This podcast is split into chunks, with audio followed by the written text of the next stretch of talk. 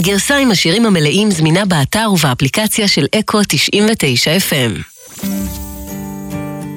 רביד פלוטניק, בשיחה עם אהוד בנאי, לכבוד יום הולדתו ה-70. דרום גוש דן מושך אותי אליו כמו מבוך בלתי מפוענח. אני קם, שופך קצת אפר. אפר? עפר? עפר. עפר. על המדורה והולך לכפר שלם. בדרכי אני עובר ליד חצרות שפעם, בגלגול אחר, עבדתי בהם כגנן. כאן, אצל אדון ורפחובסקי, מוועד הבית שליד קולנוע שביט, וכאן, אצל הגברת הנחמדה האהובה מרחוב לגרדיה, שהייתה מורידה לי לחצר לימונדה טעימה וצוננת, עם ניחוח של מי ורדים. אני מביט מבעד לגדר, בוחן את מצב הדשא, ורואה לרגע אחד בפלשבק את עצמי, את מי שהייתי אז, עומד שם מלוכלך, מזיע, חולם על ימים אחרים. ואני אומר לו, לבחור קשה היום הזה, שמכסח בזעם את הדשא הפרוע. אני לא בטוח על מה היה הקרב, אבל נדמה לי שניצחנו. ערב טוב, אחר צהריים נעימים, אהוד בנאי. ערב טוב, אחר צהריים נעימים לרביד פלוטניק היקר. מזל טוב. חן חן ותודה. הילד בן 70. מה לעשות? ראית? כן. אה, אני הכנתי... זה הגיע, הרגיע מהר מאוד. אני הכנתי כן. את הנאום הזה שעכשיו הכנתי, אמרתי, אני אמוטט את הרדיו. אני ממציא את הרדיו מחדש עם הנאום הזה. אתה כן, מבין? כן. זה היה מרשים, לא? מאוד. מאוד. ורפחובסקי, שאתה אמרת ורפחובסקי. ככה בקלות ראית, שכזו. התאמנתי על זה. ממש ככה. התאמנתי על זה. כן. מה המצב? בסדר גמור, מעניין שבחרת את הקטע הזה. כי מה? כי... תראה, זה קורה לי, האמת היא, עד היום. אה, שאני עובר שם ב- בשכונה הזו, ואני יכול לספר לך שכשהוצאתי את היידיש של רסטמן לרדיו, מהמם. והוא היה כאילו שבועיים בפינה לשיפוטכם, מה שנקרא, להיט גדול, מי שהשמיע אותו היה אלי ישראלי. השמיע אותו שלוש-ארבע פעמים, ואיזה יום אני מכסח דשא בבית משותף על דרך השלום, ושומע מה, מאחד הבתים, מאחת הדירות, את היידיש של רסטמן. אני לא אשכח את הרגע הזה, כן. זה היה לפני אה, שקוטנר צורח ב- בעניינים של גלי צה"ל, עיר מקלט. ארבע איזושהי- שנים לפני, כן. ארבע שנים לפני. כן. אז uh, אני חושב ש... אני לא יודע על מה היה הקרב, אבל נדמה לי שניצחנו. משפט uh, חשוב שלי ברגעים מאוד מורכבים בקריירה נתן לי הרבה מאוד drive, וגם נחמה ש... אתה יודע, כולם עוברים איזשהו תהליך. אז אני אגיד ככה, תשעה אלבומי סולו, שישה פסקולים לסרטים, אלבום live, אלבום של עיבודים מחודשים, אלבום אינסטרומנטלי, אלבומים משותפים עם יעקב בנאי, ברי סחרוף ומייקל צ'פמן, EP עם יונתן ברג, יונתן ברג. יונתן ברג. משורר, כן. ושני ספרים, ואין ספור הופעות, מסעות גיאוגרפיים לצד מסעות בזמן, פרס מפעל חיים של אקו"ם. זה 70 השנים הראשונות שלך. בהחלט, כן. לא רע. כן, אני, אני, תראה, אני אגיד לך את האמת, מעניין. כי אני עצלן מטבעי. אתה, אל תראה אותי ככה. כן. זה כמו שאמרת לקובי מידן, כן. שהוא שאל אותך, איך שומרים על צניעות? ואמרת לו, נוסעים באוטובוס. מקסימום הנהג ככה עושה עם הראש, אבל אף אחד לא קם ומשתחווה ומוחא כפיים. ואז אחרי שתיקה של קובי מידן אמרת לו, גם את אחד הדברים היפים, אמרת לו, תראה, אני לא צנוע. אם תדחק אותי לפינה, אני אודה שאני חושב שאני אחד מחשובי הרוק הישראלי. כן. אני חושב שזה נכון. היום מה אתה חושב? אם אני אדחק אותך שוב לפינה. אה, אני לא, ש... לא, אני חושב אותו דבר, לא, לא, לא השתנה, זה לא השתנה הרבה מאז. והיום צריך לדחוק אותך לפינה או שקצת פחות? לא צריך לדחוק אותי לפינה, בוא נגיד, או. אבל אה, אני, אני כאילו מכיר בערך של מה שאני עושה ומה שעשיתי, באמת, אבל העניין הזה של, מה- אני לא יודע, קוראים לזה צניעות, אבל אני מבחינתי, העניין הזה של האוטובוס, אוקיי, בוא, אני מודה, מתוודה, באוטובוס אני כבר לא נוסע. אוקיי, נסעתי ברכבת לירושלים לפני חודשיים, אישה אחת הכירה אותי, רק אחת. סלפי, עניינים, עמייט. לא, דווקא לא, היא באה, שאלה אם היא יכולה לשבת על ידי, היה מקום פנוי ושוחחנו.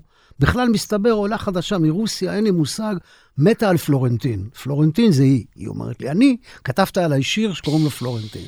עכשיו, זה כאילו, אתה מבין, אני חשבתי הרבה מה סוד הקסם של מוזיקאים, שאני רואה שככל שהם מתבגרים, ההשראה שלהם לא פוחתת, לא יורדת. ואז כשאני בודק, אני רואה שהם לא מאבדים את הקשר עם הרחוב.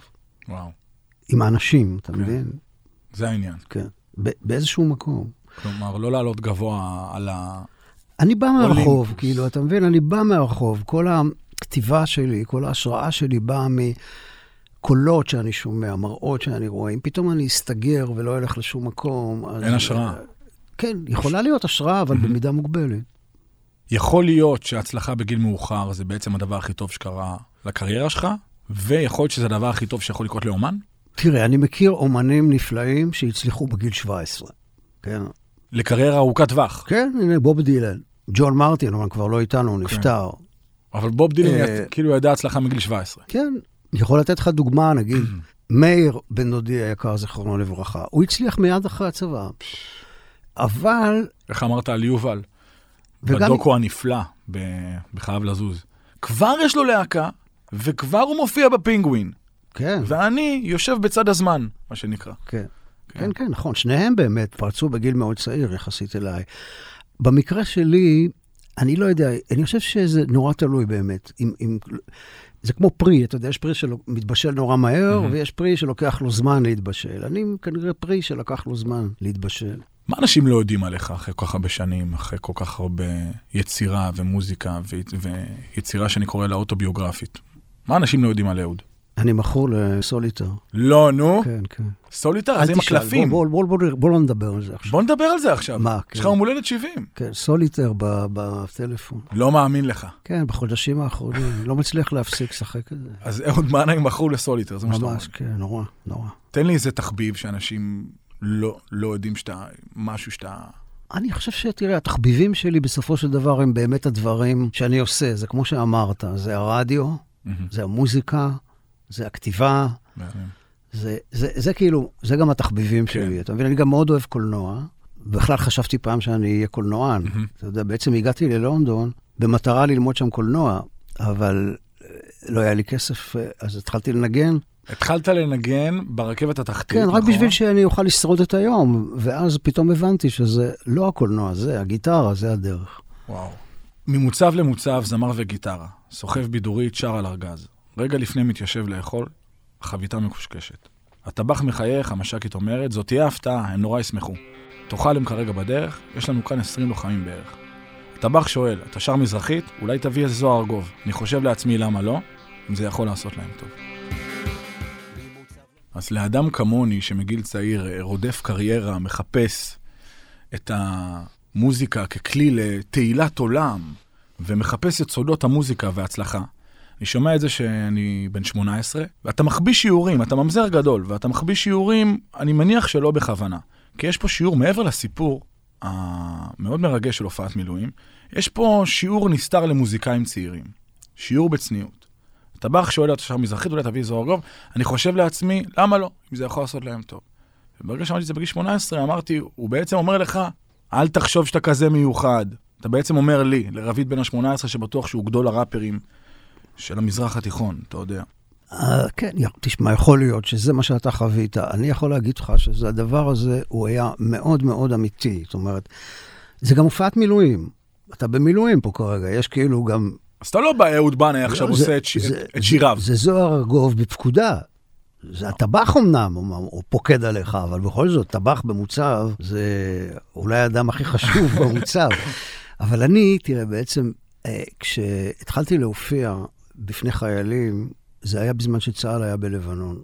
ובאמת, הופעתי שם הרבה מאוד במוצבים, והיה לי כל מיני קטעים כאלה. קודם כל, המש"קית מזמינה את הזמר אה, אוהד גבאי. אוהד גבאי. וזה רגע, אבל זה כבר אחרי שאתה כבר... אה, הפליטים, רק הפליטים יצא. הפליטים. הפליטים יצא, קרוב עוד לא יצא. כמו בספר, אתה מסתובב עם, ה... עם המגבר, נכון? עם הרמקול ועם כן, הגיטרה? כן, כן. הפליטים ומאמי כבר היה בחוץ, אבל הקרוב עוד לא יצא. או שבא אליי איזשהו מפקד, רס"ר, לא יודע מה, אומר לי, תגיד, בנאי, אה, יהיה קטעי קישור? אה, כי אתה בנאי בעצם. כן, אני אומר. לו, לא. הוא לא, לא, לא, אומר לי, למה לא? אתם הבנאים טובים בקטעי קישור. אמרתי לו, אני אבל לא אורנה. אתה יודע, אני לא הגשש, ואז הוא אמר, אל תיפגע בעיניי, אבל הכשירים שלך מדכאים, תעשה טובה, תן לנו רק קטעי קישור. וואו. או שלמשל אני בא לאיזשהו מוצב ומופיע, ושני טבחים בגופייה מסתכלים עליי בחשד, ומסובבים את הדיסקיות ככה, ואז אחרי הופעה הם באים ואומרים, תגיד, בנאי, למה אתה לא שר מזרחית?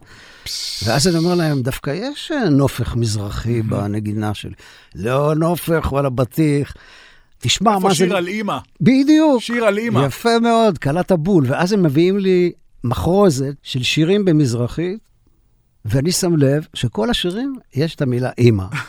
אז אמרתי להם, אני רק רוצה להבין, מזרחי זה אימא? אמרו לי, הנה, עכשיו קלטת.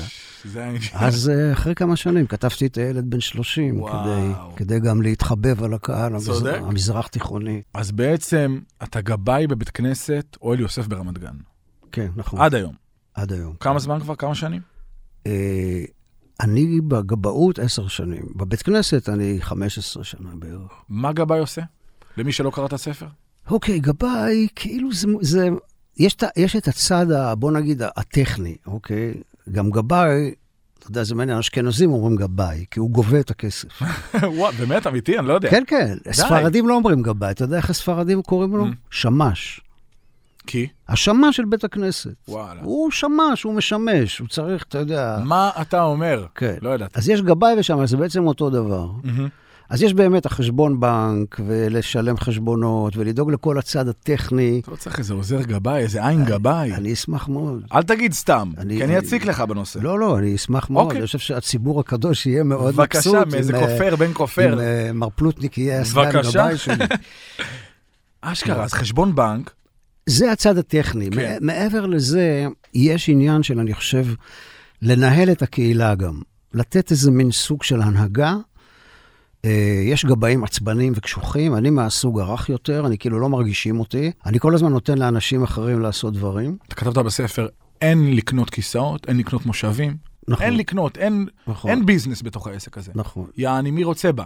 יום שבת אני מעלה לתורה, ואז uh, אני מחליט את מי אני מעלה, כהן, יש כהן, אם אין, אם אין לוי, הכהן יעלה עוד פעם, ואז אני פחות או יותר עושה איזה סבב בין המתפללים, ואז עושה את המי שברך. אם אתה רוצה, אני יכול לעשות לך מי שברך. אל עכשיו תבטיח כאן לי סתם. ב- כן? עכשיו אני עושה לך. בכבוד. מי שברך אבותינו אברהם, יצחק ויעקב, הוא יברך את השם הטוב רביד בן שם האבא. עוזי.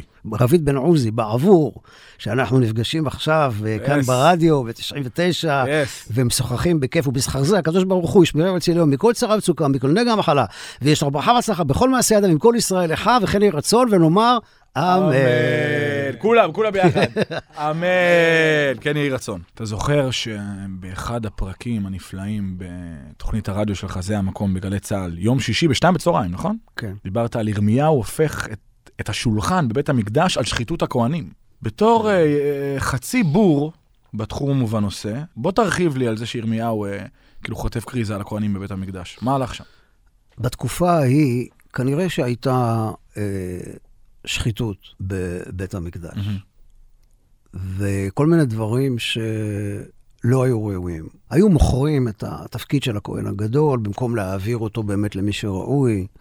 עכשיו, הנביא ירמיהו בכלל היה נביא, הוא היה נביא זעם, מה שנקרא. נכון שיש לו גם נבואות נחמה, אבל הוא היה, הוא היה נביא זעם. בזמנו, המצב הפוליטי היה כזה שממלכת בבל באה להילחם עם העם היהודי, ומי שהיה אז המלך היה צדקיהו.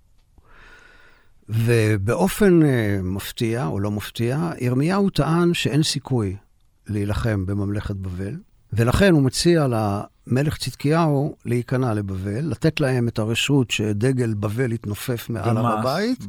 אבל הוא אמר, הם לא פוגעים בפולחן הדתי. והם ילכו ויבואו, אנחנו עם נצחי, הם ילכו ויבואו. לא מטריד אותי שהם יהיו כאן, באמת, הם נעלמו מהשטח, כן. ואנחנו עוד פה, כידוע. כן. ו... צדקיהו אמר לו, נשמע פצצה, אני זורם איתך. לא, זה בדיוק הייתה הבעיה. שצדקיהו, במקום ללכת עם ירמיהו, הוא הלך עם חבורת אה, קנאים נאמני הר הבית, שאמרו, אנחנו נילחם עם בבל, אפילו אם זה. התאבדות, עד הסוף, וזה מה שקרה. וזה גרם לחורבן בית ראשון. נקודה למחשבה. כן. כשאתה אומר בבלוז כנעני, ובכל רגע חדש פורענות לא עלינו, והכל חי ברשת, הכל מתפוצץ. אתה כותב את זה ב-2003, אם האלבום יצא ב-2004, 2005? כן. מה זה ב-2003, הכל חי ברשת, הכל מתפוצץ? אני לא יכול להיזכר כרגע מה היה, אבל גם אז, גם אז היה, אתה יודע, לא היה שקט. עולם כמנהגו נוהג, לא אותם היה, ה... לא היה שקט, והיה בדיוק כל... אני אז נחשפתי, התחלתי להיחשף לכל הדבר הזה של אינטרנט, וכל הזמן הייתה מין הרגשה של מהומה כזו, וואו. שאתה, אתה יודע, אם אתה רוצה קצת שקט בראש, אתה חייב להתנתק מה... מכל האינפורמציה הזו. בטח. מה שאנשים באמת, באמת לא יודעים, שאני לא יודע באיזה שלב אני מניח שזה אחרי שהבנת שאתה לא הולך להיות קולנוען, אלא מוזיקאי. אתה רצית להיות משורר דאב. נכון, אמת בדבר? לגמרי. לפני שבעצם לגמרי. החלטת שאתה זמר, מה שנקרא ב- ב- ב- ב- ב- בצורה גסה, אבל הקלאסית, פולק. לפני שאתה זמר, כאילו, עם גיטרה. נכון, אני אגיד לך, כי מה שהיה, קודם כל הייתי מושפע מאוד מכל הרסטפארים. הייתי מושפע גם מהפשטות של המוזיקה ואיך שהם מעבירים את המסר שלהם בצורה מאוד ישירה, בשני אקורדים, וגם לי תמיד הייתה איזושהי בעיה למצוא איך אני מחבר את העולם המילולי שלי. אני הייתי כותב טקסטים, והייתי נורא אוהב לנגן גיטרה. בלי, ואיך אני מחבר, איך אני מרתך את השמיים והארץ האלה, את המילה עם המוזיקה.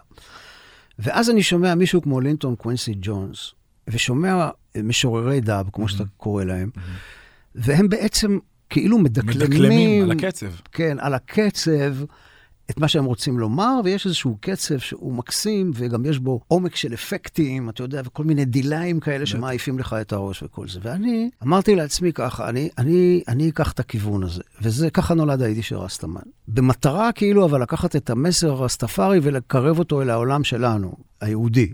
ואז בעצם, השירים שכתבתי לפליטים, אם תשים לב, הם כולם שני אקורדים. שני אקורדים, כי. ככה אני רציתי שהם יהיו. רגעי, דאב. מין סוג של דאב, יותר מדהים. מרגע.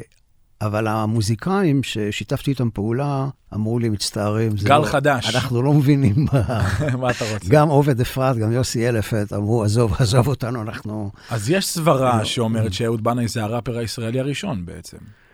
תשמע, אני חושב שאת הסברה הזאת אני שמעתי ממך.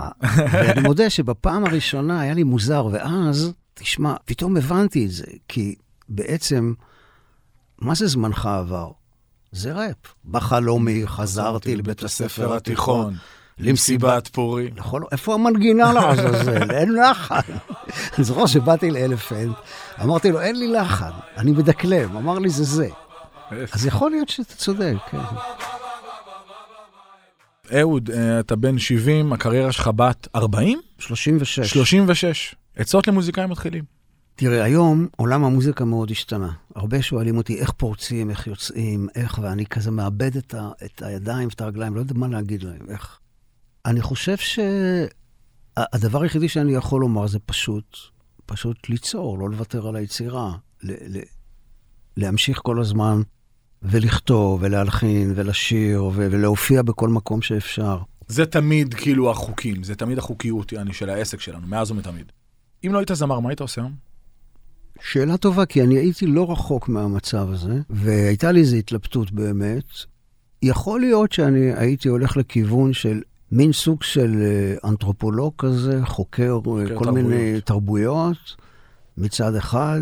אתה כבר עושה את זה כי יש, אה, אני גיליתי דרכך אה, אפיקים חדשים של רגעי, של מזרחית, של בלוז, של פולק, של מוזיקה ערבית, של מוזיקה הודית, אה, ושל אה, טקסטים אה, קדומים, אני אקרא לזה, ושל יהדות. אז אתה כבר אנתרופולוג מוזיקלי, ברשותך. אה, כן, אני חושב שגם העובדה שהתחלתי גם אה, לערוך, לערוך ולהגיש תוכנית רדיו, גרמה לי גם להיכנס מאוד עמוק אל הדבר הזה, ולחפש ולחקור ולהביא דברים. אבל תמיד היה לי את הסקרנות הזו. אז היית אנתרופולוג. יכול להיות, כן. או שהייתי פותח אה, איזה משתלה. נשמע הגיוני. בברוקלין, בשיר הנפלא, אתה אומר, אה, ברוקלין אומרת, אבא לא מת, הוא רק ישן קצת בעולם האמת. אני, אני מנחתי שזה הרב מלובביץ', יש בזה בהחלט רמז לרבי מלובביץ'. אני יכול להגיד לך, אבל שברובד קצת יותר פנימי ועמוק, זה אבא שלי. כי אבא שלי קראו לו יעקב, יעקב בנאי. הרבה אנשים שואלים אותי, אז זה, זה אלברט פירות? לא. אבא שלי זה ימשיך כבודו. המשיך כבודו. כרמלה, אורחים נוספים הגיעו. זה אבא שלי. עכשיו, אבא שלי נפטר בזמן שפרשת השבוע הייתה פרשת ויחי יעקב. וקראתי איזה מאמר בגמרא שאומר שיעקב אבינו לא מת, עוד אבינו חי, מה שנקרא. כל זמן שזרעו בחיים, גם הוא בחיים. ו... ואני כן, אני כן מאמין ב... בהישארות הנפש ובנצחיות של הנשמה. אז המשפט הזה הוא בהחלט, הוא יכול להיות גם לרבי מלובביץ', הוא יכול להיות אבל לכל אבא ואבא. רביד פלוטניק, בשיחה עם אהוד בנאי, לכבוד יום הולדתו ה-70.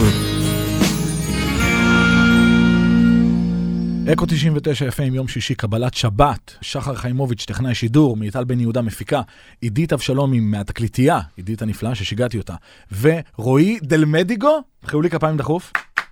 תודה רבה, אני לא בגיל שלכם. אני אומר בהופעות שאני לא בגיש להם, אז עכשיו זה לוקח את הכיף. אה, ויום שישי אנחנו בקבלת שבת יום הולדת 70 לאהוד בנאי. אהוד, אה, שערורייה, לא? נכון, בהחלט. אז שמענו את בית סבא בירושלים, מתוך uh, תחת שיח היסמין, מ-89. כן. שאביך uh, מדבר שם. אז בעצם ב-89 אתה מוציא גם אלבום עם יעקב בנאי, וגם את האלבום השני, כן, שקוראים לו קרוב. קרוב. איך נראית השנה הזאת, שאתה עובד על שני אלבומים?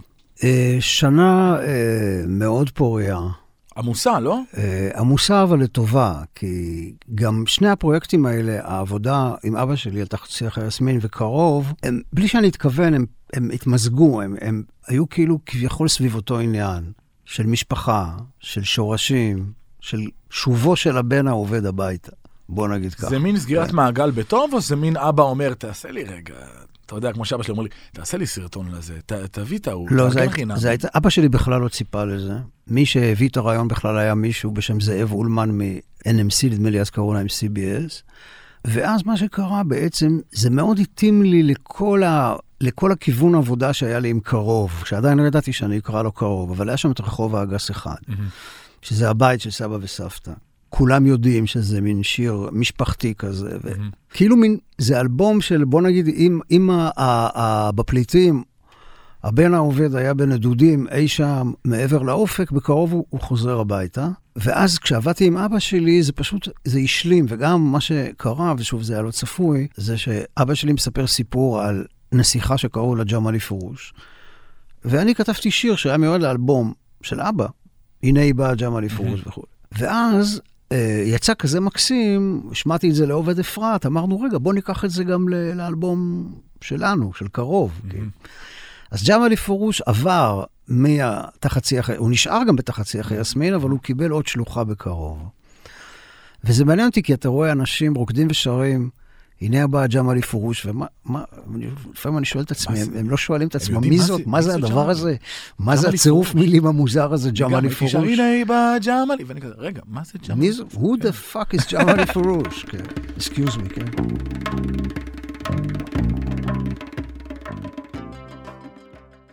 אז בעצם השירים הראשונים שיצאו רסמי, זה ממאמי. זה, מה, זה מההצגה, מחזמר, איך אני קורא לזה? אופרת רוק? אופרת רוק. זה השירים הראשונים שיצאו. לא, יצא עיר מקלט ועגל הזהב בהפקה עצמית, Mhm. כסינגלים. כן. זה היה בעצם הדבר הראשון שהוצאתי לאור. הצליחו, עיר מקלט ועגל הזהב, לא? כן, כן, הצליחו. כן, למרבה המזל. ואז, ואז הפליטים ומאמי בערך במקביל באותו זמן, פחות או יותר. רק שאת המאמי לא השמיעו בכלל ברדיו. את הפליטים, כן, אבל עכשיו, זה נורא מעניין שאתה אומר את זה, כי מאמי, האולמות היו מלאים, מפוצצים, נכון. והפליטים שניגנו, האולמות לא היו כל כך מלאים, מה שנקרא. לגמרי לא. כלומר, הביקורות שיבחו, הרדיו ניגן, והקהל לא הגיע. נכון. איך זה? תשמע, זה משהו במסתורין הזה של דברים שאתה לא יכול לדעת. אני אגיד לך, אני יכול לנסות להבין, כאילו, אני חושב שפליטים זה היה אה, משהו מאוד תל אביבי, כאילו כביכול איזה מין בועה תל אביבית. המקומונים מאוד אהבו, וכל הברנז'ה, מה שנקרא. אבל כשהגענו לעפולה, הגיעו שבעה איש. ירדנו לאילת, הגיעו ארבעה איש. זאת אומרת, אני אז הבנתי ש... אם אני רוצה להגיע לפריפריה, אני צריך לעבוד קשה. לעומת זאת, מה שקרה במאמי, זה שהצבא גילה את מאמי. הצבא היה אז במצב של ממש פרוץ האינתיפאדה הראשונה, ופתאום הם שומעים משהו שמדבר אל מה שקורה להם, אל כל הסיטואציה הזאת שהם נמצאים בה. אז ואתה- מה- מאמי כבר היה קרוב ל- ל- לרדת מהבמה, זה לא הצליח. ואז פתאום הצבא גילה את מאמי, וחיילים התחילו להציף את סבתא בהמוניהם. ואתה ויוסי אלפנט מסתכלים מאחורי בבקסטייג' ומסיתים את הווילון וצועקים להם, ולוחשים להם, נו תבואו לפליטים, כן, תבואו לפליטים. נכון, נכון. כן, כי זה היה קצת תסכל אותנו, אתה מבין? כאילו, מאמי, שתי, שתי הצגות סולד אאוט, ובאים עם הפליטים, מגיעים בקושי 100 איש. וואו. אה, שתי מילים על החתונה, על העיירה בדרום. אתה יודע, הרבה פעמים שואלים אותי לגבי מאמי, אם הייתי עושה את מאמי עוד פעם, או למה אני לא שר שירים עם מאמי. יש לזה כל מיני סיבות. אני חושב שאחד אחד הדברים זה שמאמי מבחינתי היה מתאים מאוד לזמן שבו זה היה. ואני חושב שהילל מיטלפון כתב משהו באמת נפלא. הוא היה גם אדם שהיה נורא כיף לעבוד איתו. וגם, אני חייב לומר, הוא, הלל וציון מצוותא, לקחו אותי למאמי עוד לפני שהיה לי חוזה עם חברת תקליטים. זאת אומרת, הם שמעו פעם אחת את עיר מקלט ברדיו, קלטו מעיר מקלט את כל מה שחברות התקליטים לא קלטו. לכן אני באמת, יש לי כאילו איזה מילה, אני ממש אסיר תודה להלל על זה שהוא לקח אותי לשם. גם קיבלת מקדמה של כסף, אם אה, ממש. זיכרוני אינו בוגד. זה לא בוגד בך, כן. ועיירה בדרום זה שיר שהייתי גם אני, הייתי יכול גם לכתוב את הטקסט שלו. אני לא חושב שהייתי יכול לכתוב את מאמי המאמי אה, וכולי וכולי, כן. אבל עיירה בדרום, ניסי מלכה, וזה, זה, זה... סמן לי, סמן. יכולתי. יכול, אפשר היה, אפשר היה לחשוב שאני כתבתי את המילים. מסכים. בגלל זה עיירה בדרום זה כאילו מין שיר שהולך איתי עד היום. אני יכול לעשות אותו בהופעות.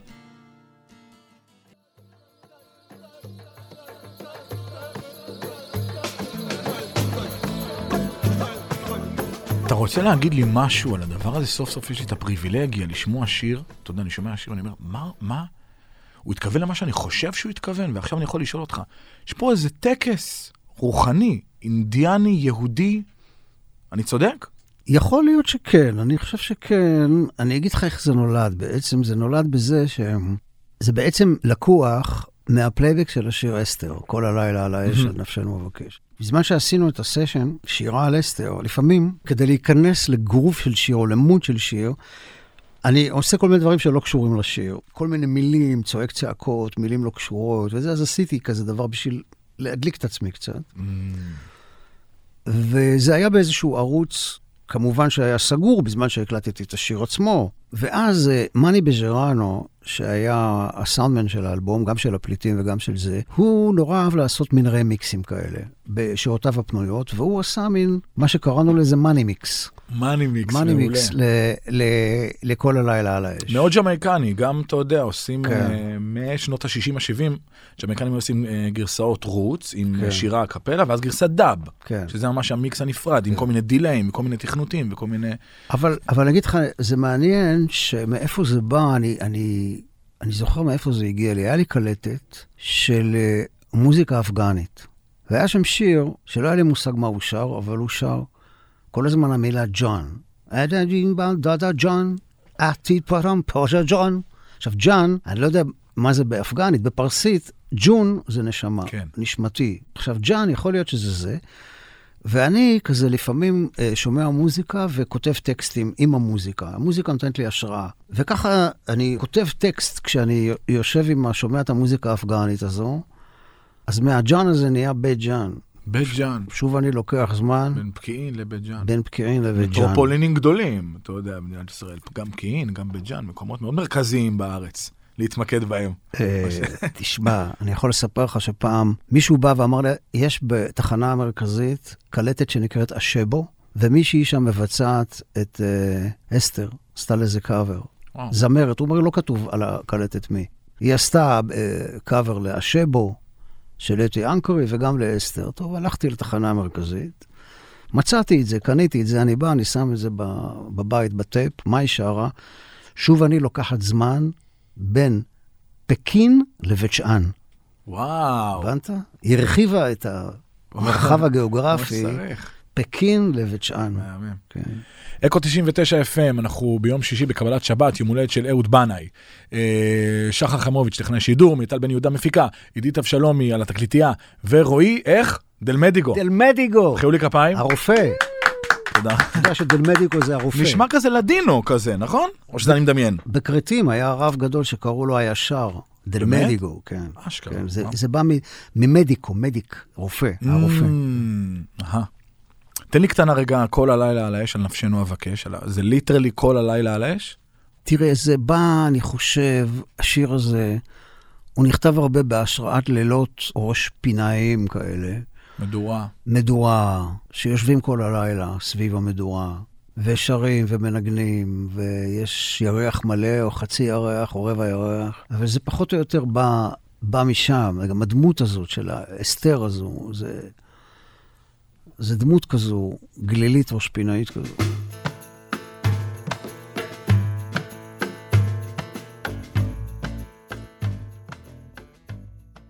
אז דיברנו שאתה בעצם אה, משורר דאב אה, נסתר, וכל הזמן באוויר, ככה אני מרגיש שבשיר הזה אתה פשוט גם, אתה יודע, בתוך התמה הזאת של רק לדבר, לספר את הסיפור, מה שנקרא.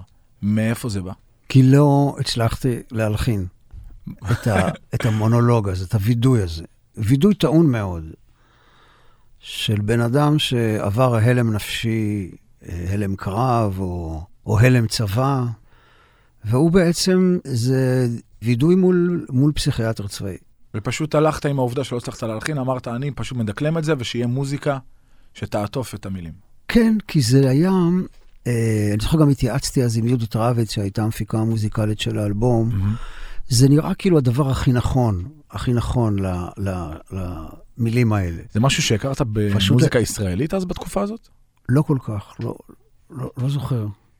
יכול להיות שבאופן לא מודע, אבל לא, לא זוכר. כל הזמן באוויר, מתוך האלבום השלישי, 1992, הפקה מוזיקלית של יהודית רביץ.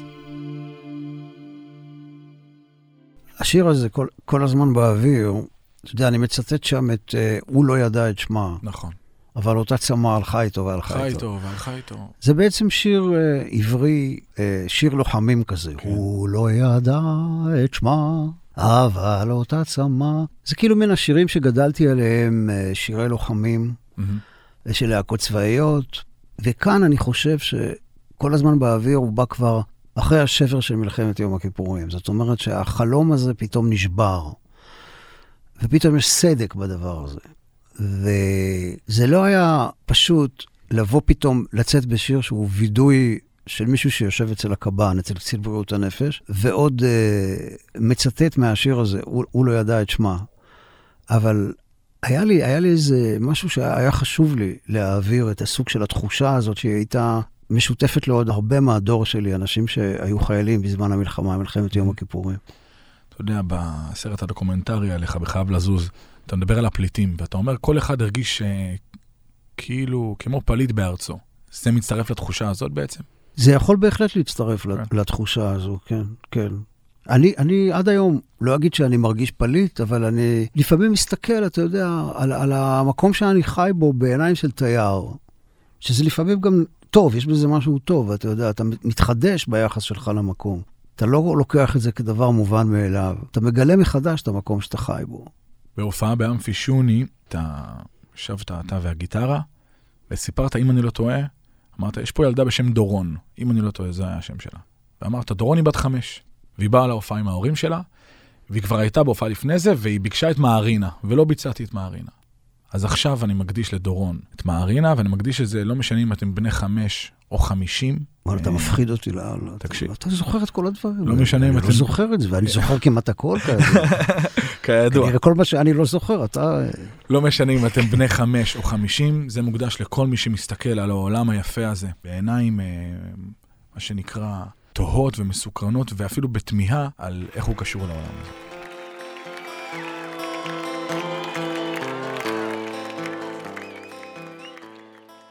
אקו 99 FM, יום שישי קבלת שבת, אה, שחר חיימוביץ' טכנאי, מיטל בן יהודה מפיקה, עידית אבשלום תקליטייה, ורועי דלמידיגו. דלמידיגו. דל...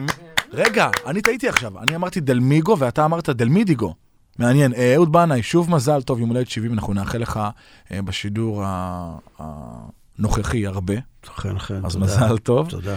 אפרופו שיחותינו על רגעי ועל עניינים, פתאום באלבום טיפ-טיפה מ-98, ילדי הלילה מגיח, והפעם יש הרגשה שיש פה רגעי, חבר'ה, אני עושה את הרגעי שלי, בדיוק. שאף אחד לא יתעסק לי. בדיוק. איך הם זרמו איתך הפעם? אה, לא הייתה להם ברירה. אני הפעם אמרתי, אני מתעקש לחלוטין לעשות את, ה, את הדאב הזה. עובד אמר לי, אז תפיק את זה אתה, הפקתי את זה. מה אתה אומר? כן, וזהו, וזה יצא סוף סוף, יצא קטע דאב, כמו שתמיד רציתי לעשות. קטנה על הסיפור, אני בעצם מניח שזה זה מקרה ספציפי, דברים ששמעת, שראית בטלוויזיה, שקראת בעיתון. הייתה אליי פנייה מעמותת עלם, בדרך כלל, אתה יודע, אני לא... קשה לי לכתוב שיר לפי הזמנה, אבל הפעם זה היה... הרגשתי שזה חשוב, שזה כאילו, שאני צריך כן לעשות השתדלות, מאמץ. ואז יצאתי לאיזה מין מסע תחקיר כזה, וביקרתי בכל מיני מקומות שלהם, ובאחד המקומות בתל אביב, ניגשה אליי מישהי, היא לא אמרה לי כלום, היא רק נתנה לי דף והלכה. ופתחתי את הדף והיה כתוב שם, אני פרפר בקופסה, וואו. וכל המונולוג הזה של פרפר בקופסה, היא כתבה את זה. שמה היה חנה, אבל אסור היה להגיד את שמה, אז, אז באלבום כתוב חטא, רק חטא, האות חטא. היא יצרה איתי קשר הרבה שנים אחרי זה. ושמחתי לדעת שהיא שיקמה את עצמה, נשואה ויש לה משפחה. אבל עשיתי אה, מין מסע כזה כדי להכיר מקרוב את, ה, את הסיפור של הבני נוער האלה, שבעצם מכל מיני סיבות הם עוזבים את הבית אה, ומוצאים את עצמם בגנים אפלים בשעות לילה ועוברים דברים מאוד קשים. אה, רונה קינן מופיעה בקליפ בתור אה, נערה, אם אני לא טועה. נכון, נכון. נכון, כן. קליפ זה בימוי של? רענן אלכסנדרוביץ', במאי מחונן מאוד, שעשה גם את הקליפ להופעת מילואים ולמערינה. תשמע, אדוני, תרצה או לא תרצה, המוזיקה שלך היא מעיין נובע של uh, לימוד, שפע, יצירה, uh, חוויות ושיעורים. אז מעבר לעובדה שנתת עצה למוזיקאי הצעיר בהופעת מילואים, גם יש לך עצות נפלאות לחיי נישואים. לא יודע אם אתה יודע. ולזוגיות בריאה. אתה רוצה לשמוע אותם? אתה מוכן לזה? אני אשמח לשמוע, אני מאוד זקוק לזה. בוא ידידי שב לצד מדורתי ואשאלך שאלה. האם גורלי תמיד יהיה שחור כמו לילה? איך הלכתי שוב אחרי דמיון שהוא מעורפל? תשמע טוב, אה, בשיר זה אחרת. דמיון- איך, איך דמיון הלכתי שוב שווא. אחרי דמיון שווא מעורפל? אני קורא מתוך הספר, זוכר כמעט אה, הכל. הבנתי. ובספר אתה אומר, תשמע טוב איך פיתה אותי היצר המנוול. בשיר אתה אומר, איך פיתה אותי השד השד. אה, אז אתה קורא מהספר, הבנתי, זה הגרסה המוקדמת, כן. את האישה שלי גרם לי לעזוב. יותר טובות ממנה כך אמר, תמצא ברחוב. משך אותי ללכת למקומות לא טובים, עשיתי לעצמי בושות, רקדתי עם כלבים. יום אחד התעוררתי בביב שובחין, וליבי כבד עליי כאבן שאין לה הופכין. ועכשיו אני רוצה הביתה, לחזור אל האישה, תגיד לי איך, איך אני יוצא מהבושה. בית האחרון של השיר. עונה קול לא ברור או לא ידוע. אל דאגה, חבר יקר שלי, אל תתייאש. בוא ואתן לך גפרור שבלבך יצית האש, ידליק את האש. דע לך, זהב טהור זורח בביתך, ואין בכל העיר טובה כאשתך. אבל אתה צריך כל יום לראות אותה אחרת. העברתי דף. כמו שמש חדשה ששוב ושוב זוהרת. אתה צריך לראות אותה כל לילה מקודשת, כמו הלבנה המתחדשת.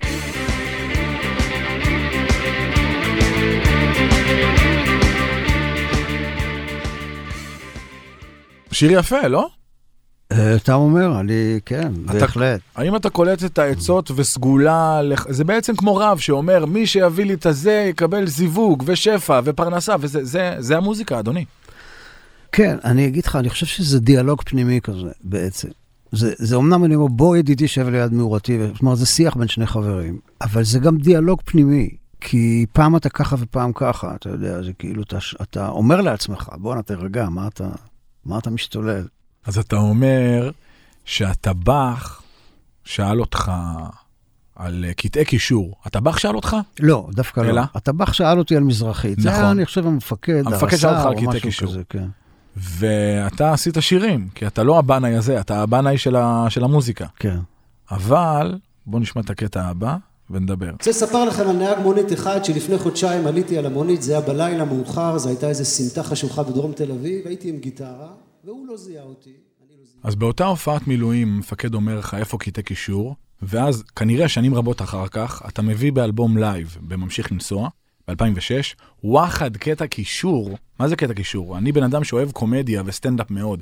יש פה פאנץ' בתוך פאנץ' בתוך, יש פה כאילו סטנדאפיסט שיורה ברובה עוזי בדיחות. כן, זה היה בקיסריה. זו הייתה פעם ראשונה שעשיתי קיסריה, וקמתי בבוקר בהרגשה שאני צריך להביא משהו אחר בהופעה.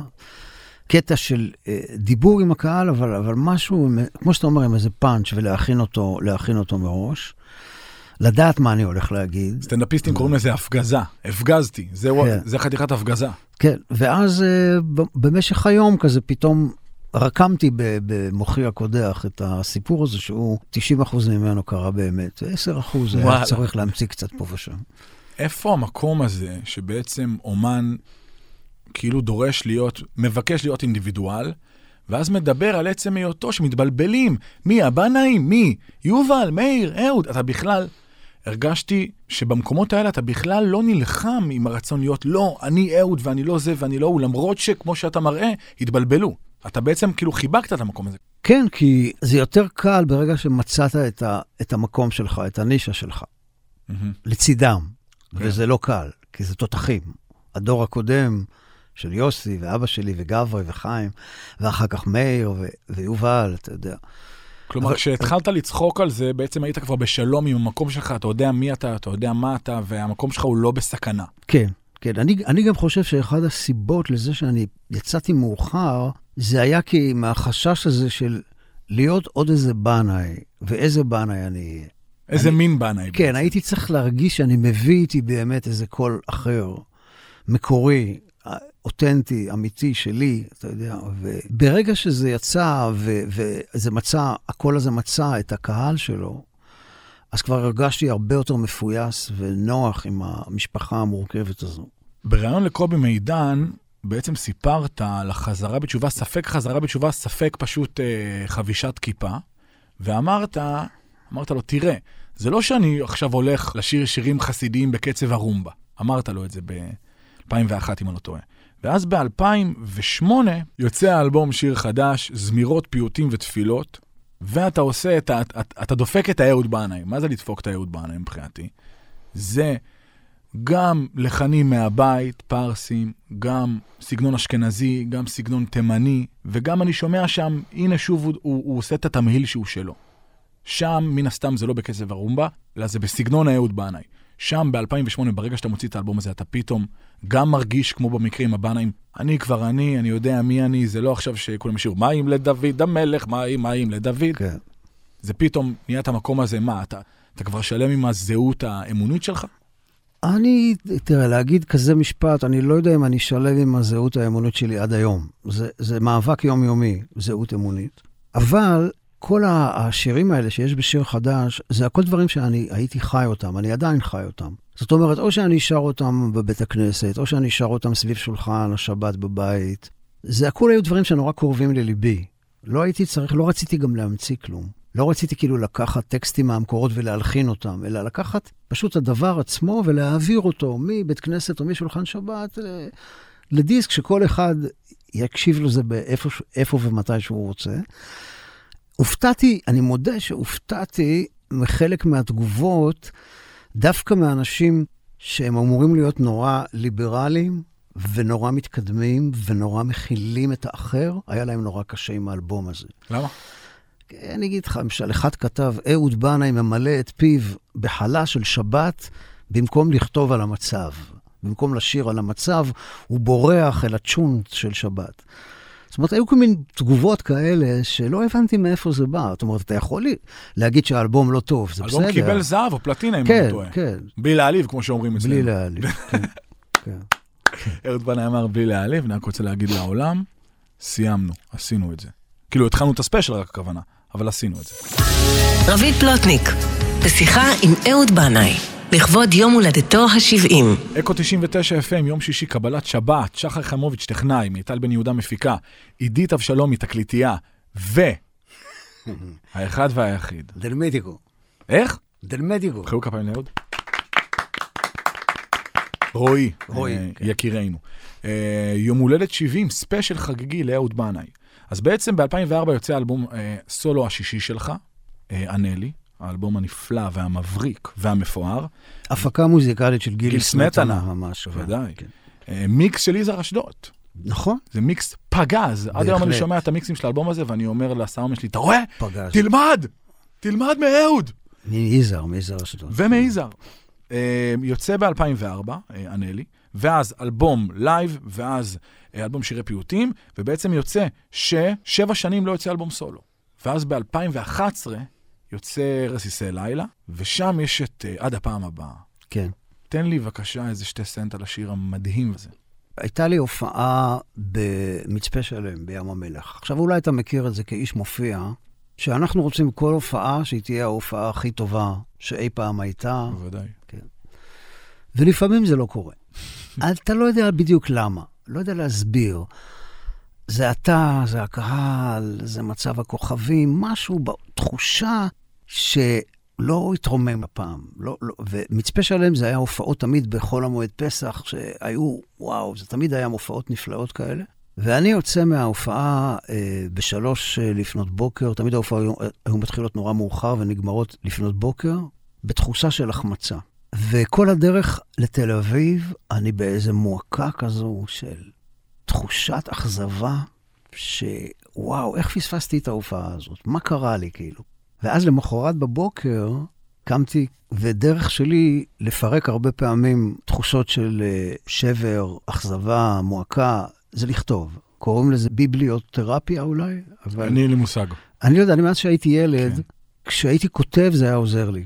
היה לי בלבול, היה לי מבוכה, היה לי כעס, מה שלא הייתי הולך לכתוב. ואז ככה כת... נולד השיר הזה עד הפעם הבאה, כתוצאה מההופעה הלא מוצלחת. וים של מבטים עיניים מסתכלות עליך.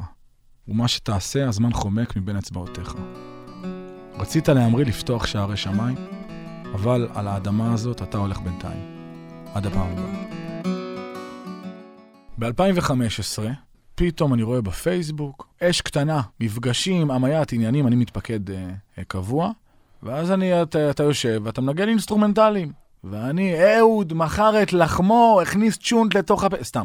אבל אמרתי, אדוני, מילים, עניינים, כאילו, תעשיר אותי. ואז קניתי את הדיסק, ובמאחור של הדיסק אתה רושם, אני, אני, אני קצת מסלף את מילותיך, מחילה. טוב לשטיפת כלים, ברקע לשטיפת כלים, בנסיעה, בהליכה, איפה שלא תהיו. ואני שומע את האלבום הזה, פתאום אני שומע את השיר הבא, נשמע אותו ובוא נדבר.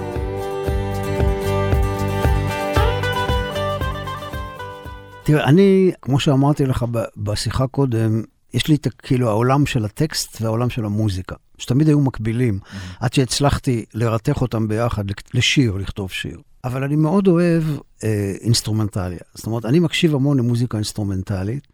פרפרי הקצב, אם אני לא טועה, ככה נולד מתוך שמיעה במטוס של... נכון, של ז'אן פייר רמפל וראווי שנקר.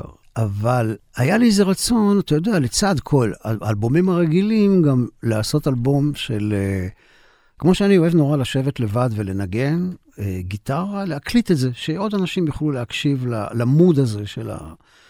אבל צירפתי לזה, לאלבום הזה, אש קטנה, גם אה, אלבום שהוא בחלקו אינסטרומנטלי, וחלקו לא, אבל אני לא שר שם, אלא זה, זה בעצם מוזיקה, פסקולים שעשיתי לקולנוע, לתיאטרון וקולנוע.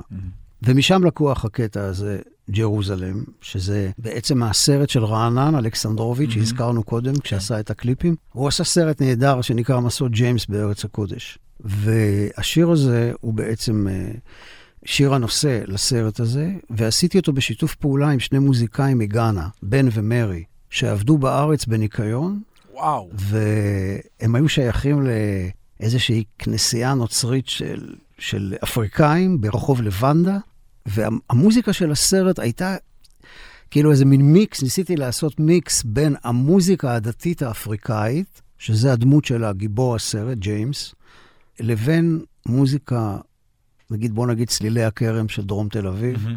פחות או יותר, ליצור איזה מין מיקס כזה. שנתיים אחר כך, אתה ועוד בחור בשם ברי סחרוף מוציאים אלבום משותף שמבוסס על שירי לדינו, אבל בעברית. כן. בספיישל ברדיו שמעתי שתכננתם לעשות את האלבום הזה 15 שנה, וכל פעם החיים קורים, הקריירות עמוסות, ואז פתאום מגיע הרגע הזה. למה לדינו, מאיפה זה בא? הלדינו, אני חושב, קודם כל, לברי זה בטח בא מה, מהמוצא הטורקי, והמשפחה דיברה לדינו ושרה לדינו. אצלי זה הגיע, אמנם המשפחה, משפחת בנאי, המוצא שלה פרסי, אבל הם גדלו בירושלים עם הרבה הרבה דוברי לדינו. ובעצם, כשאני הייתי ילד, השירי ארץ ששרו לי לא היו בפרסית, היו בלדינו. Mm. זה, זה, זה מה שהיו שרים, אתה מבין? זאת אומרת, אבא שלי ידע לדבר לדינו ממש טוב. והיה חבר קרוב של יצחק נבון, וכל ההוויית הלדינו הייתה חלק מה, מה, מהדבר הזה של, אה, בוא נגיד, הפולקלור של אה, משפחת בנאי. לכן, אה, גם לברי וגם לי זה היה משהו שהבאנו מהילדות.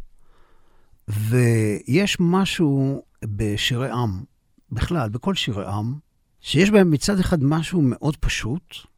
אם אתה נגיד תיקח, למשל, תנסה לנגן את השירי לדינו, אתה תראה שזה שלושה אקורדים הכי הרבה, אבל הקסם שלהם הוא נצחי. אתה יכול לשמוע את זה שוב ושוב ושוב, אתה לא מעייף, אתה לא מתעייף מזה.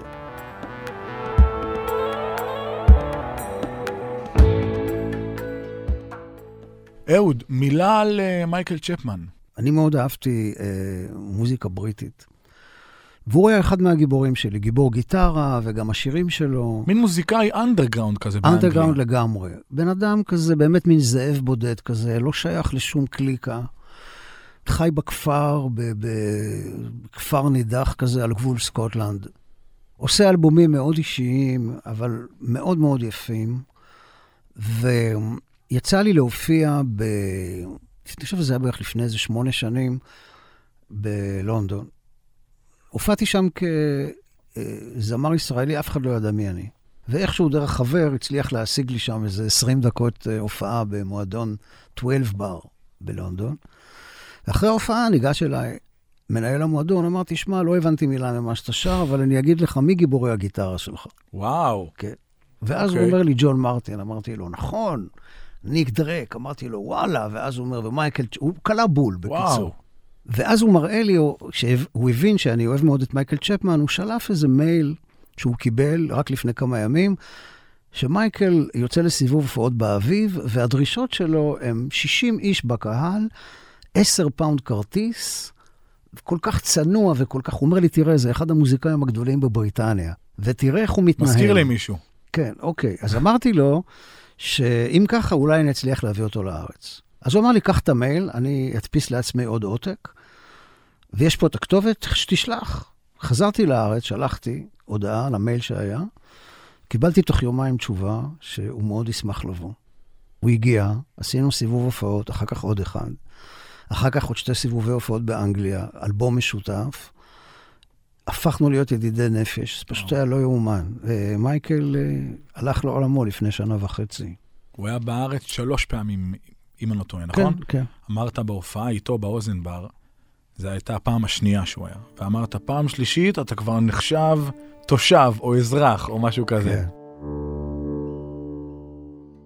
2020, קורונה מכה בנו, ומעט לפני, או בזמן הקורונה, אם אני לא טועה, אתה צריך לתקן אותי, יוצא האלבום הולך ומתקרב. מעט לפני. מעט לפני. כן. ואני, אה, אה, אה, ליבי זינק מאושר, ואני מקבל אלבום שבעיניי הוא הטופ של הטופ של הטופ של היצירה שלך, והטופ של היצירה הישראלית. ואז מגיע השיר, להט חרב מתהפכת. ואני אומר, what the fuck is להט חרב מתהפכת?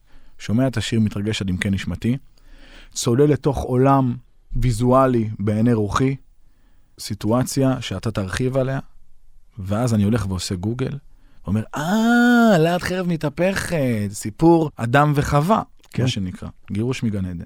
כן. ואז אני אומר, למה הוא דווקא קרא לזה להט חרב מתהפכת? מה יש במונח הזה שזכה להיות השם של השיר? אה, תראה, זה, יש משהו, אני, כאילו חייב, לומר את זה,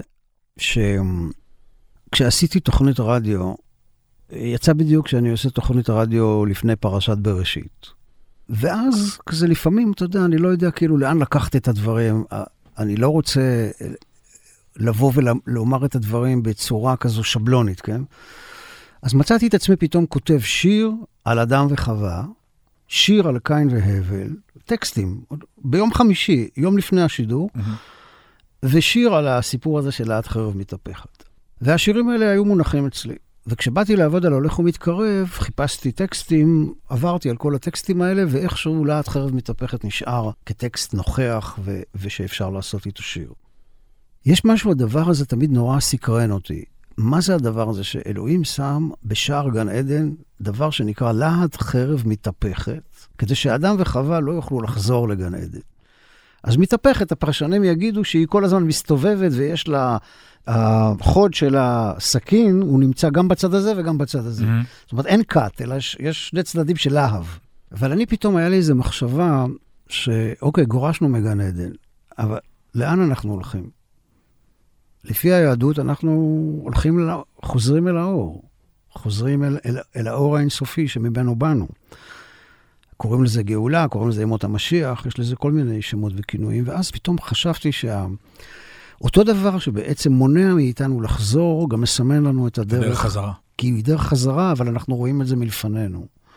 זאת אומרת שהיא מתהפכת מעבר לעתיד. פתאום ככה פירשתי לעצמי את המושג הזה, שהלהט חרב מתהפכת ממשהו שהיה למשהו שיהיה. אקו 99 FM, יום שישי, קבלת שבת, טכנאי שחר חיימוביץ', מיטל בן יהודה מפיקה, עידית אבשלומי תקליטייה, אה, ותודה לרועי, רגע, אל תגידו לי, דלמדיגו, אמרתי נכון? דלמדיגו? דלמדיגו. דלמדיגו, אל תסמנו לי לא, אני יודע מה אני אומר. תמחאו לי כפיים על זה ש... ש... ש... ש... כאילו טעיתי ואז צדקתי. ספיישל אהוד בנאי, יום הולדת 70. אה, משחק אסוציאציות, קצר. אני אומר ואתה, אני אה, שואל? ואתה, אוי, כן, אוי, אוי. כן. נו, אוקיי, בסדר, בוא? נראה. הרי קווקז. אה, מה שהולך על הראש זה מקום שנקרא מחצ'קלה, על גדות הים הכספי, שהייתה לי שם הופעה בפני הקהילה היהודית. וואו, זה היה בדיוק בשנה שברית המועצות התפרקה. וזה היה מסע מרתק בערי הקווקז. סוכן חשאי בחסות הוד מעלתו. נכון. כן. ככה כתבתי בספר שלי, כתבתי את הסיפור, סיפור, בגלל שזה היה רוסיה, והתפרקה, אז אני נכנסתי לאיזה פנטזיה שבעצם אני שם באיזה שליחות אה, שליחות חשאית, כן. שבעצם אה, האפקטים של הגיטרה שלי זה כיסוי למכשירי קשר מאוד מתוחכמים.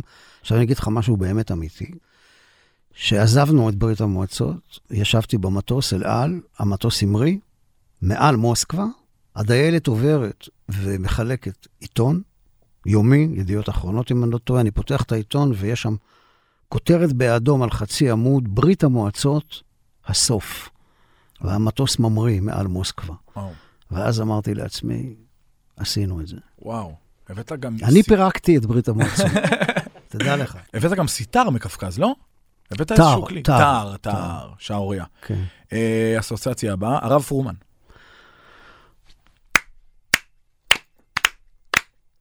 זה הרב פרומן, זה לקחת את הימין והשמאל ולחבר אותם יחד, להדביק אותם יחד, להגיד, זה לקראת זה, כן? הרב פרומן זה לוחם השלום אולי הכי נועז שהיה כאן במדינת ישראל, וזה מפתיע כי הוא מתנחל, הוא נודה על האמת. באמת דמות שיצא לי לעשות איתו הרבה ערבים של הוא היה מלמד מהזוהר ואני הייתי שר. זה היה ערבים מאוד מאוד מיוחדים, עם המון עוצמה. כריתים. דלמדיגו. הופה. כן. אתה אמרת כל כך הרבה דלמדיגו בתוכנית הזו, כן.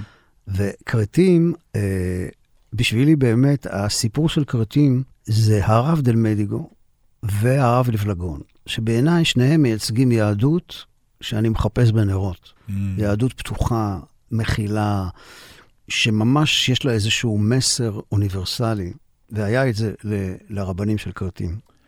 נוח נפתולסקי.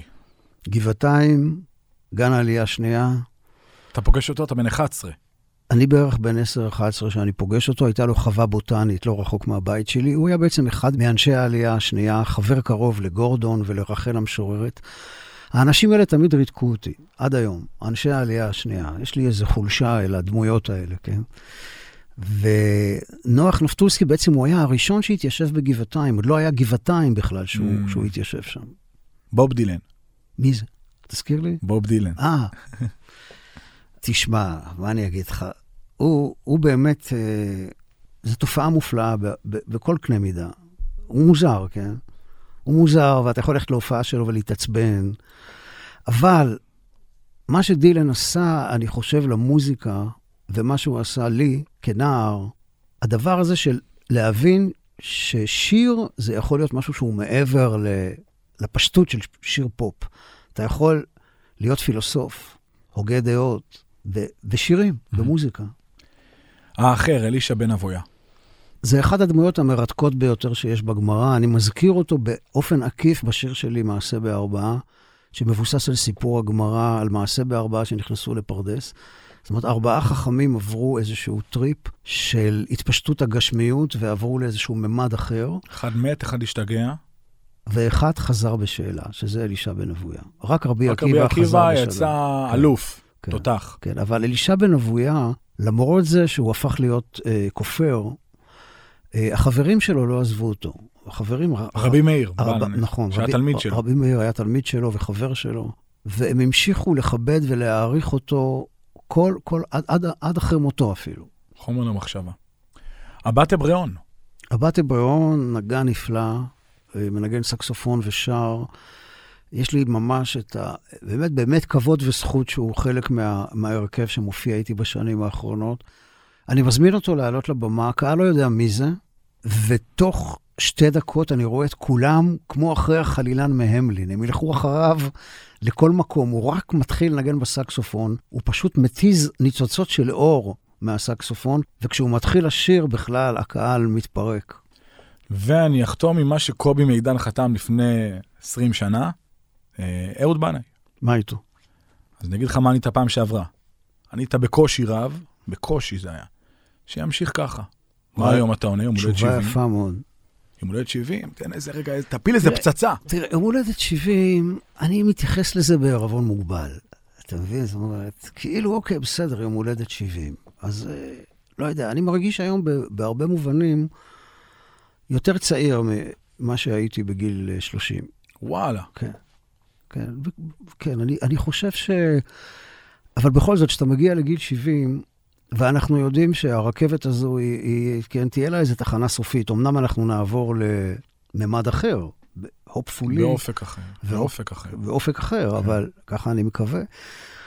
אבל בכל זאת, בגיל 70 אתה כבר מבין שצריך לתת תשומת הלב לזמן שעובר, ולהשתדל לעשות את המיטב.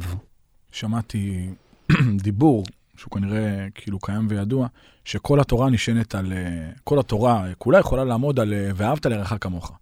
אנחנו מרגישים, לדעתי, אני ואתה, אני מחליט, שכל המוזיקה שלך, כל הדיסקוגרפיה, כל האני מאמין שלך, יכול להישען על המשפט, אנחנו כאן אורחים לרגע, הבט סביב. אולי כל החיים עצמם, כל הגלגול הנוכחי.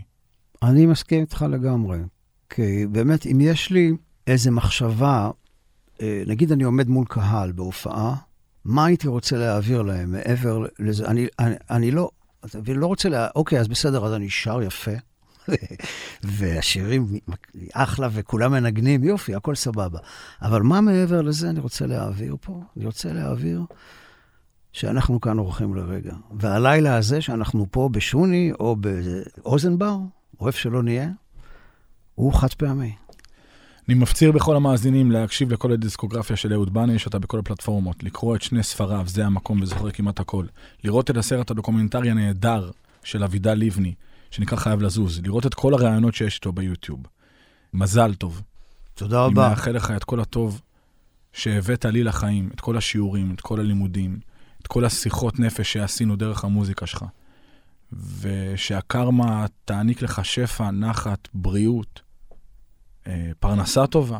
אני רוצה להודות לך. מקום בעולם הבא כבר יש לך משלשום לא יודע, בוא, ולפני... בוא, לא יודע. לא, לא, לא, אני, בוא נקווה שכן, אבל אני רוצה להודות לך, באמת, על, ה, על ההקשבה שלך, על העומק של ההקשבה שלך, על זה שאתה מזכיר לי כל מיני דברים שאני אולי שוכח או שכחתי.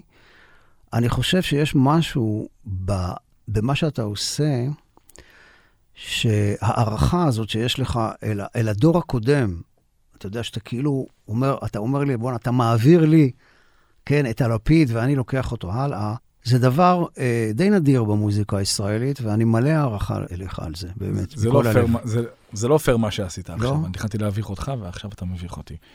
קודם כל, תודה, מעומק ליבי. השיר שסוגר את אלבום הבכורה שלך נקרא פועל במה.